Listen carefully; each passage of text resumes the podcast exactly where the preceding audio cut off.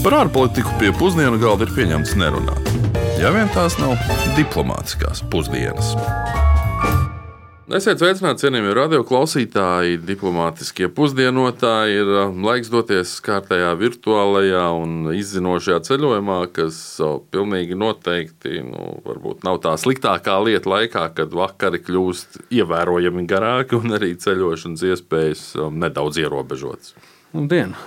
Nu jā, nu ceļošana mājasēdes laikā bieži vien pat šeit Latvijā izvēršas īsāka nekā plānots, jo nu, laicīgi ir jābūt arī arī, diemžēl, atpakaļ. Bet valsts, uz kuru mēs šodien dosimies, bija gan iecienīts galamērķis arī tai paudzei, kas dzīvoja Padomju Savienībā.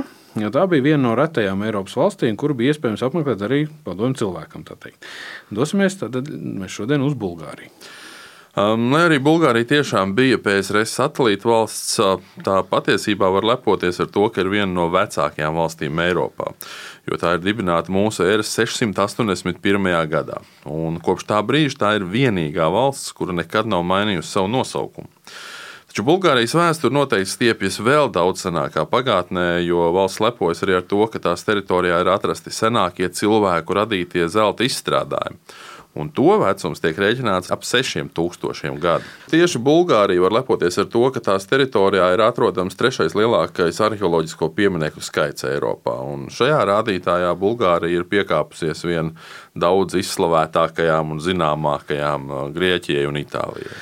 Daudz vēstures pieminiekļu joprojām tiek uh, atklāti, un arī savas dabas daudzveidības dēļ Bulgārija noteikti ir vērts apmeklēt. Bet ko par šo valsti zina mūsu klausītāji uh, tepatās Rīgas ielās, to devās noskaidrot Rihards Plūms. Viņi man atgādina ļoti skaistus kalnus, un siltumu lielu, un augļi un dārziņi.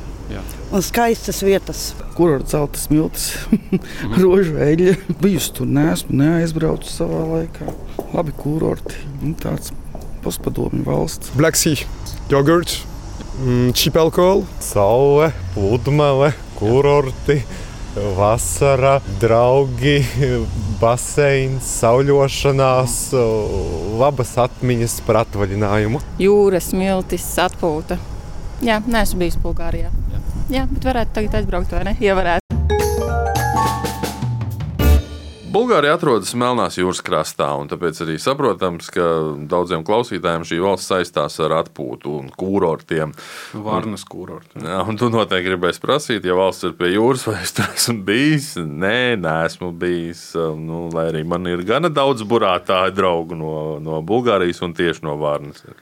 Jā, par nu, turismu un kurortiem runājot. Tiek rēķināts, ka pirms uh, pandēmijas Bulgārija gadu uzņēma apmēram 12 miljonus uh, ārvalstu turistu. Šī industrija ienes aptuveni 15% no valsts iekšzemes koprodukta.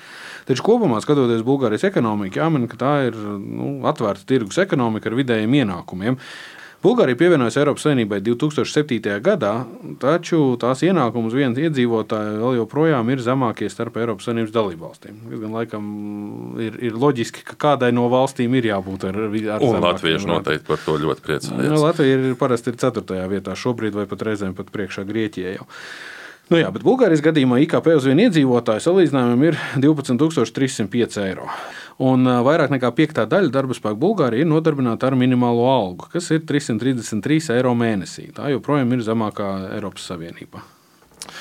Līdz 1980. gadam Bulgārija primāri fokusējās uz lauksaimniecības sektoru, bet jau pēc 80. gadiem tā bija pārtapusi par industriālu ekonomiku, un, un tās budžeta izdevuma prioritāšu augšgalā bija zinātniskā un tehnoloģiskā pētniecība. Un, līdz ar savstarpējās ekonomiskās palīdzības padomus tirgu zaudēšanu 90. gadā tā sauktā šoka terapija izraisīja. Kurai mēs arī gājām cauri. Jā, izraisīja strauju rūpniecības un lauksaimnieciskās ražošanas kritumu. Nu, Galu galā tam visam sekoja diezgan loģisks iznākums - ekonomikas sabrukums 97. gadā un tā sekas ir jūtamas arī joprojām. Nu, vēl viens sekas, kas ir jūtams, ir arī tas, ka Bulgārija ļoti atkarīga no enerģijas importa no Krievijas, nu, kas ir potenciāli neaizsargātība vai nu, šajā gadījumā vājuma pazīme. Un tā ir dalībniece Eiropas Savienības atbalstītajos centienos dažādot reģionālās dabasgāzes piegādes. Tāda infrastruktūras projekta kā Grieķijas, Bulgārijas un Bulgārijas Serbijas starpsavienojumi, kas ļaut Bulgārijai piekļūt ne Krievijas gāzei gan diemžēl ir vai nu apstājušies, vai arī panāk, panākuši nu, diezgan, diezgan tādu mazu, mazu, mazu progresu. Nu, vēl viena aktualitāte, kas jāmin, gan ir tas, ka Bulgārija varētu būt aiznākamā, jeb 21. Eiropas Savienības valsts, kura ievieš eiro valūtu. Um, Horvātija būtu nākamā no 2023. gada 1. janvāra, un Bulgārija savu levu nomainīšot 2027. gada 1. janvārī. Taču pēdējos gados par Bulgāriju mēs vairāk runājam, nu, laikam jau tomēr politiskās nestabilitātes dēļ. Un šis gads ir bijis īpaši interesants, jo nedēļas nogalē Bulgārijā notiks jau trešās parlamenta vēlēšanas vien šī gada laikā. Un paralēli tām notiks arī Bulgārijas prezidenta vēlēšanas. Nu, ilgus gadus Bulgārijā pie varas ir bijis premjerministrs Boiko Borisovs un viņa vadītā konservatīvā partija Gerba. Krievu valodas pazinēja arī diezgan labi, varētu prast arī bulgāru valodā rakstīto. Um, tad, attiecīgi, Krievu valodas pazinējumam šis partijas nosaukums varētu atgādināt uh, Krievu vārdu ģērbons. Taču patiesībā tas ir saīsinājums no oficiālā partijas nosaukuma, kas ir pilsoņi par Eiropeisku Bulgārijas attīstību.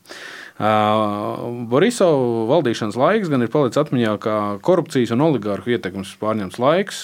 Jau 2008. gadā, proti, nu, gadu pēc iestāšanās Eiropas Savienībā, Eiropas komisija atzina, ka cīņa ar augstu līmeņu korupciju un organizēto noziedzību nu, nekādā veidā nav nesusi vēlamos rezultātus. Tāpēc tiek apturēta Eiropas fondu naudas izmaksa Bulgārijai. Nu, Eiropeiskā attīstība laikam gan izpaužās nedaudz savādāk kā Bulgārijā. Jo, arī, neizpaužās. Nu, neizpaužās.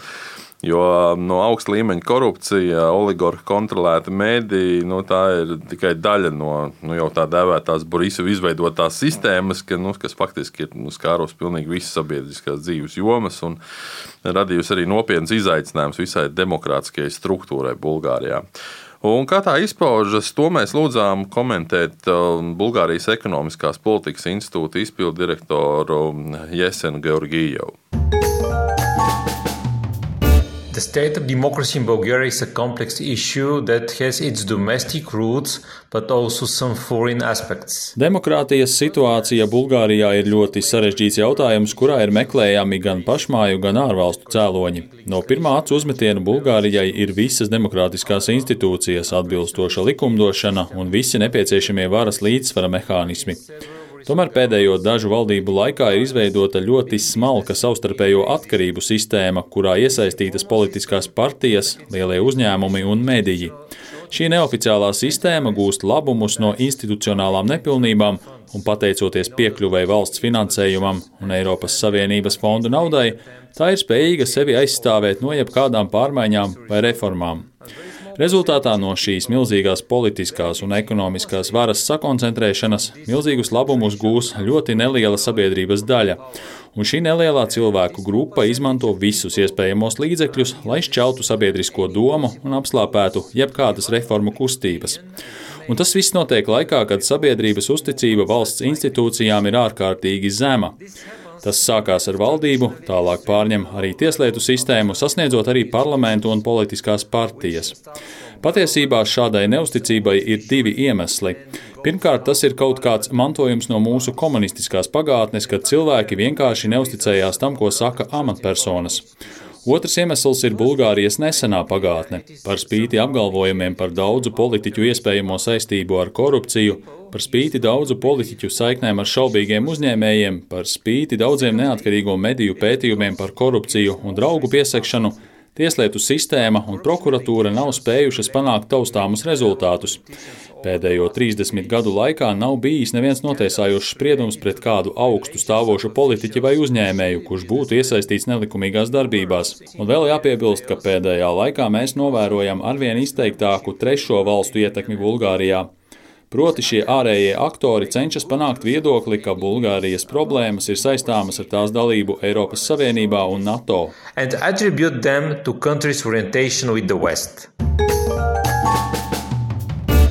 Tas ir līdzīgi kā daudzās citās valstīs, arī Bulgārijā iedzīvotāji, nu, laikam, visu nepilno 7 miljonu iedzīvotāju pacietībai pienāca gals, un 2020. gadā valsts pārņēma plašas protesta akcijas. Par spīti tām aprīlī notikušajās vēlēšanās uzvaru tāpatās guva partija Gerb, taču Boiko Borisovam valdību izveidot neizdevās. Nākamajās vēlēšanās jūlijā jau uzvaru guva mūziķa un televīzijas programmu vadītāja Slavija Trifonova vadītā un veidotā populistiskā partija ir tāda tauta. Starp citu, arī interesants stāsts par šīs partijas nosaukuma izcelsmi. Slavija Trifonova sākotnēji vēlējās, lai partija sauktos Nav tādas valsts. Taču konstitucionālā tiesa šādu piedāvājumu noraidīja. Iemesls bija tāds, ka partijas logo bija paredzēts attēlot plaukstu, kas tur Bulgārijas karogu. Un, un, un politisko simbolu izmantošana partiju logo esot aizliegta. Nu, tā arī radās partija, ir tāda tauta. Tas nedaudz atgādina vienu mūsu pašu partijas centienus atrast oriģinālu nosaukumu.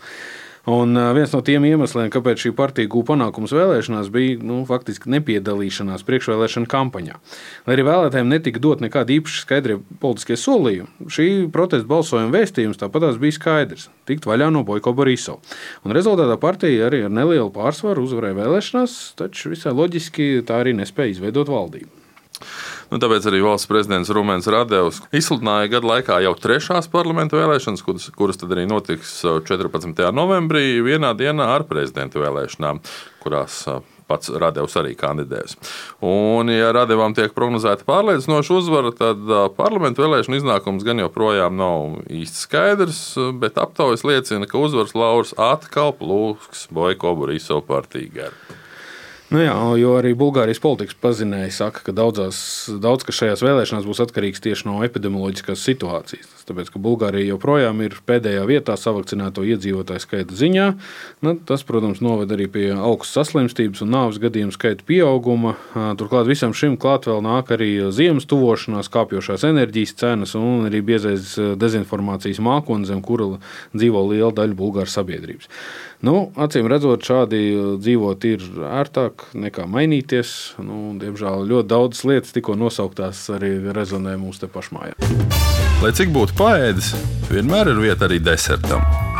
Tā kā mums ir pusdienraidījums, tad meklējot kaut ko vieglu desertam, uzdūros ziņām par bulgāru jogurtu. Nu, cerams, ka, cerams, ka viegls kaloriju ziņā. Jo paši bulgāri apgalvo, ka tieši viņi pasaulē ir devuši vienu no labākajiem ēdieniem - bulgāru jogurtu, ko viņi paši sauc par skābu pienu. Gan. Tas ir īpašs jogurts, kurā tiek izmantots arī īpašās baktērijas, Lactobacillus bulgāricus. Nu, acīm redzot, pat baktērijām savu vārdu bulgāri ir iedevuši. Bet es šajā deserta sadaļā gribēju parunāt par sazvērstības teorijām, dezinformāciju un arī pareģojumiem. Nu, Jo pēdējā laikā šādām nu, nepierādītām tēmām tic neiedomājami liels skaits cilvēku, un atkal ne jau tikai Bulgārijā. Stāsts, protams, ir par vienu no visu laiku slavenākajām bulgārietēm, aklo pareģi Vangu. Jā, nu, viņa nereti tiek dēvēta par Balkānu Nostradam, un viņai tiek arī pierakstīti daudzi un dažādi pareģojumi. Un tie, kas tic viņas pravietojumiem un mēģina tos interpretēt, uzskata, ka Vanga ir pareģojis piemēram Padomju Savienības sabrukumu, Černobiļas katastrofu, zemūdens kūrska bojāju, 11. septembra terora aktus ASV, bīstamos tsunami un dažādas dabas kataklizmas. Nu, vispār daudz apgalvo, ka viņas pareģojumi ir par 85% precīzi. Nu, laikam, intelektuāli izklaidē cilvēkiem vienmēr ir prasījušies gan teiks, gan pasakas, gan horoskopi, gan pareģojumi, gan daudz, daudz, daudz citas līdzīgas žanra parādības. Tāpēc nu, es tā mēģināšu atstāstīt, ko tad šim 2021. gadam Vanga bija pareģojusi. Viņa bija pareģojusi zāļu pret vēzi atklāšanu. Nē, nu varētu būt, ka tas ir nevis pret vēzi, bet pret covid. Nu, tagad tablets ir pret covid parādījušās. Varbūt tas būs nu, varam saskatīt, jā, protams. Daudz un dažādas kataklizmas Nu, tagad nu, ir kaut kur degošie jā. meži, Kalifornija dega, jā, kas likšot cilvēkiem mainīt savu domāšanu. Klimata konferences. Klimata konferences, jā, mēs tagad sākam pāriet, pāriet uz, uz, uz, uz pilnīgi citu attieksmi pret klimatu un degošiem mežiem. Pareizi. Un vēl 45. ASV prezidents, kas ir Donalds Trumps, piedzīvošot kādu bīstamu slimību, kas padarīšot viņu kurlu un radīšot nopietnas smadzeņu bojājumus. Um, nu te ir, protams, mēs viņu neesam kādu laiku redzējuši un cerams, ka šis, lai, lai vai cik mums varētu patikt vai nepatikt Trumpa kungs, bet, nu, laikam, novēlēt viņam tādu ne, nenovēl, arī bet arī netrūks cilvēku, kas saka, ka tas jau ir no Covid, ko viņš arī izslimoja. Nu, jā, tā, tas, tā, tā, tā mēdz cilvēki runāt. Jā. Bet atkal šeit ir stāsts par, par to, kā tiek interpretēts Vangas teiktais. Tāpēc mēs aicinām uz šādiem apgalvojumiem skatīties tomēr atbildīgi un tomēr balstīt savu viedokli pārbaudāmos un pārbaudītos faktos. Nu, nu, respektīvi, bitkoins nepirkt pamatojoties uz šo. jā, jo pretējā gadījumā mēs dzīvosim ar apziņu, ka līdz Vangas pareģotajai pilnīgai cilvēces asimilācijai ar citplanētiešiem mums vēl ir jādzīvo 2626 gadi, bet uh, visuma bojāja ir paredzēta 5097. gadā. Respektīvi, pirms priecīgais notikums, un pēc tam uzreiz arī bēdīgais. Nu, laikam, ne tik ļoti asimilēsimies. Vispār interesanti, kāpēc mums būtu par to jāstraucās, ja tas viss tik tālu ir. Pēc ar šo dīvaino lietu arī noslēdzam šo mūsu šīs nedēļas raidījumu, lai jau nākamajā nedēļā dotos uz Dienvidameriku atpakaļ. Dosimies uz Peru lai veicās. Klausieties mūsu raidījuma atkārtojumos arī Latvijas radio viens programmā, radio arhīvā vai arī sev piemērotākajās vai mīļākajās podkāstu straumēšanas vietnēs. Atā. Diplomātiskās pusdienas katru otrdienu pusdienos Latvijas radio viens.